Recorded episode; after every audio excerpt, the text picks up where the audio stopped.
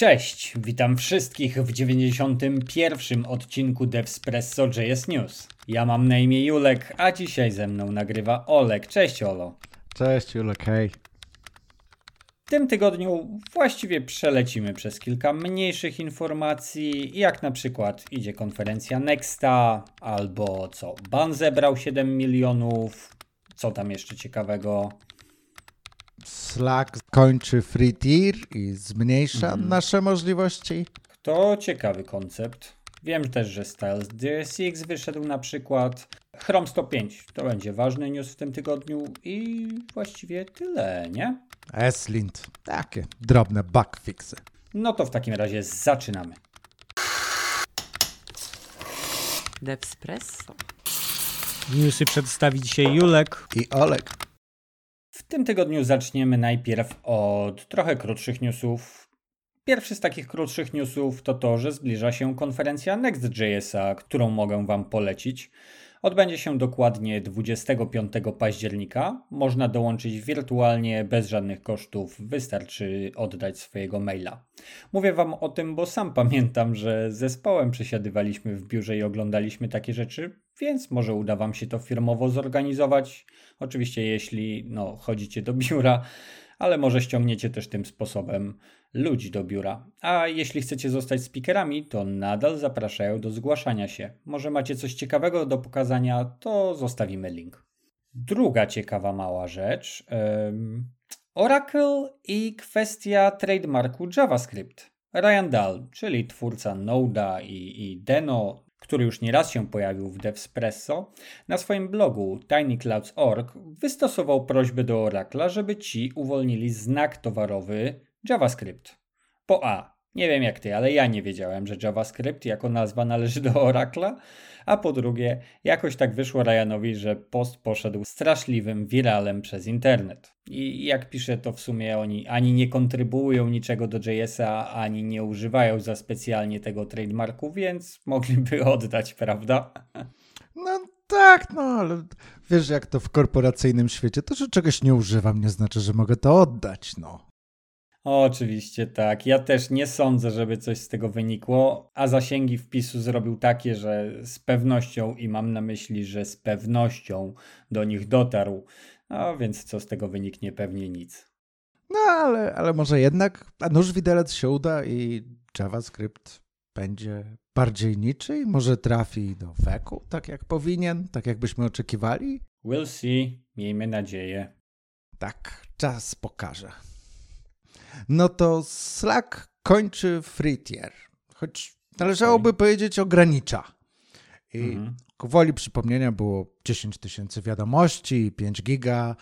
Teraz będzie 90 dni. Bom, koniec. Okej, okay, okej. Okay. No ja cię poprosiłem o to, bo Heroku niedawno skończyło też free tier. Teraz Slack sobie ucina. Jakby przybywa systemów, które ograniczają bardzo mocno możliwość korzystania swojego softu, albo raczej ograniczają możliwość y, posiadania dostatecznej ilości wygody przy korzystaniu z darmowej opcji używania ich softu y, w taki sposób, żeby trzeba było to zakupić. Myślę, że powoli y, to jest pewien sygnał, że zbliżamy się do jakiegoś końca epoki, gdzie wszystko w internecie na dobrą sprawę jest darmowe, albo znajdziesz darmową alternatywę, no nie? Nie sądzisz? Ja bym powiedział, że, e, no bo wiesz, tutaj mamy ograniczenie, tak? Po prostu zmniejszono mhm. termin, mniej informacji, mniej parametrów, ale no 90 dni, bardziej powiedziałbym, że tutaj jeżeli jesteś małą, średnią firmą, która mhm. generuje już zyski, to zacznij płacić za swoje narzędzia. To trochę tak jak i te mhm. rozmowy, które mieliśmy, w którym momencie paczka z NPM-a powinna być płatna i dla kogo, tak? I jak to mhm. licencją mhm. regulować.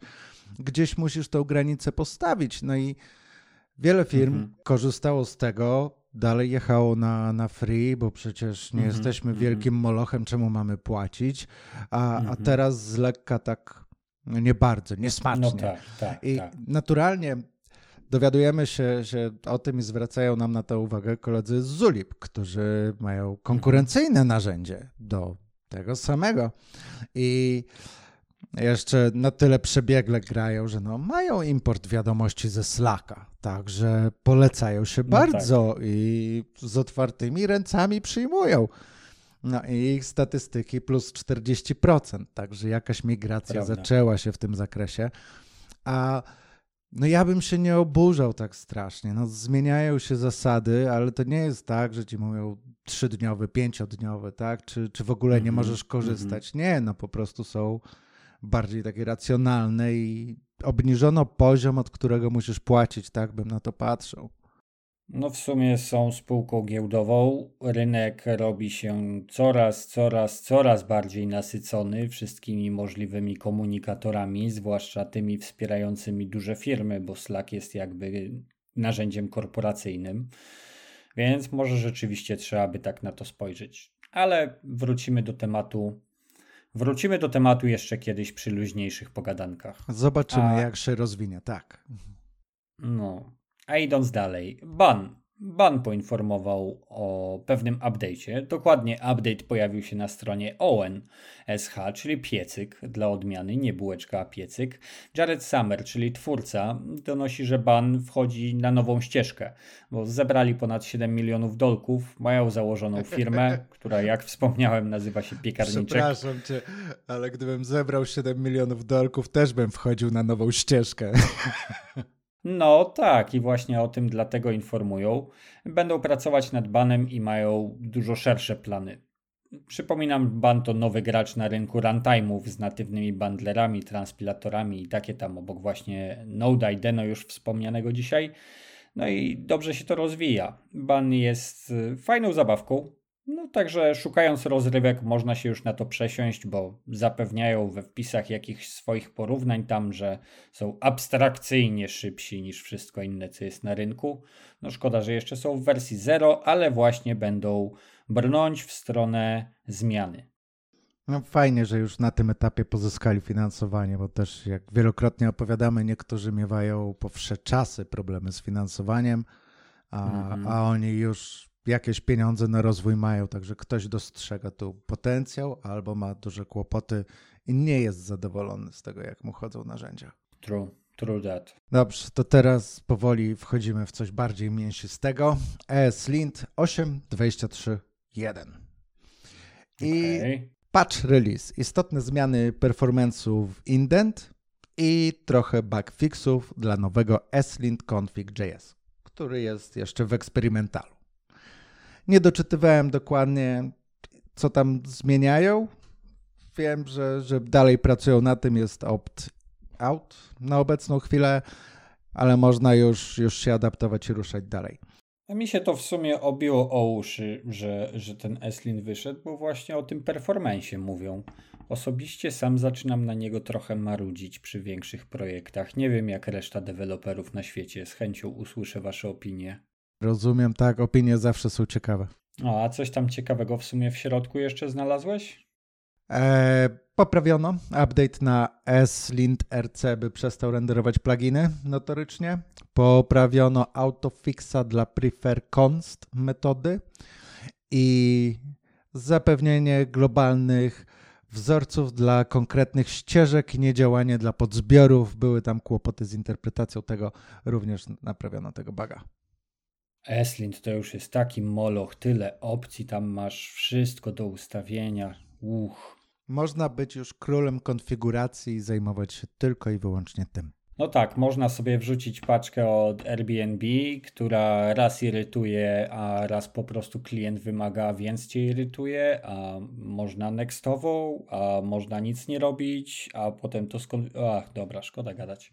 To jeżeli chodzi o takie paczkowe update'y, to trochę ciekawostka. Style.jsx wyszedł chwilę temu w wersji 5, teraz już jest 5.07, i bo fiksują, ale ciekawostka jest taka, że Vercel nawet nie za bardzo się chwali tą paczką, bo tu ani nie ma wpisu na blogu wercelowym, ani nie ma osobnego dla Style.jsx-a.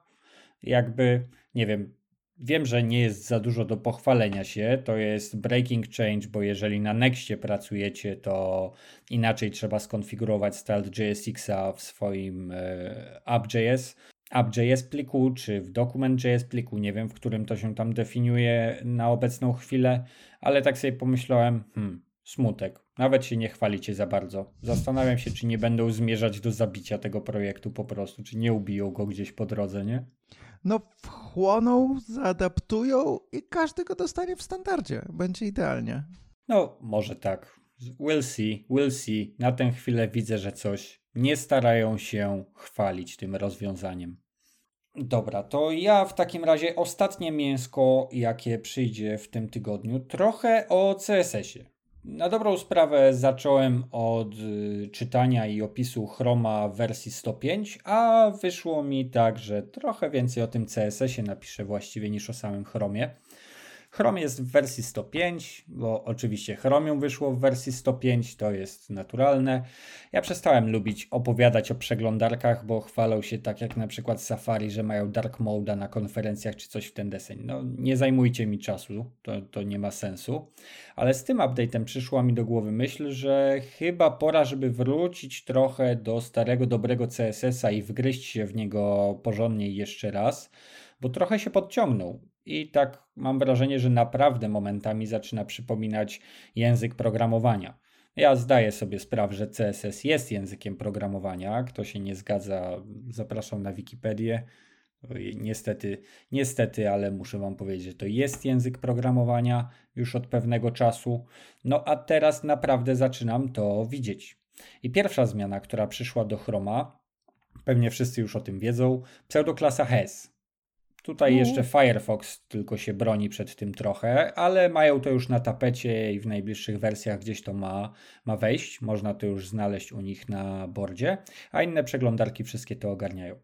I o co chodzi z HES? HES pozwala nam wybrać elementy poprzez sprawdzenie, czy one same zawierają jakieś inne elementy w sobie. I możemy zagnieżdżać oczywiście również y, conditions, różne warunki.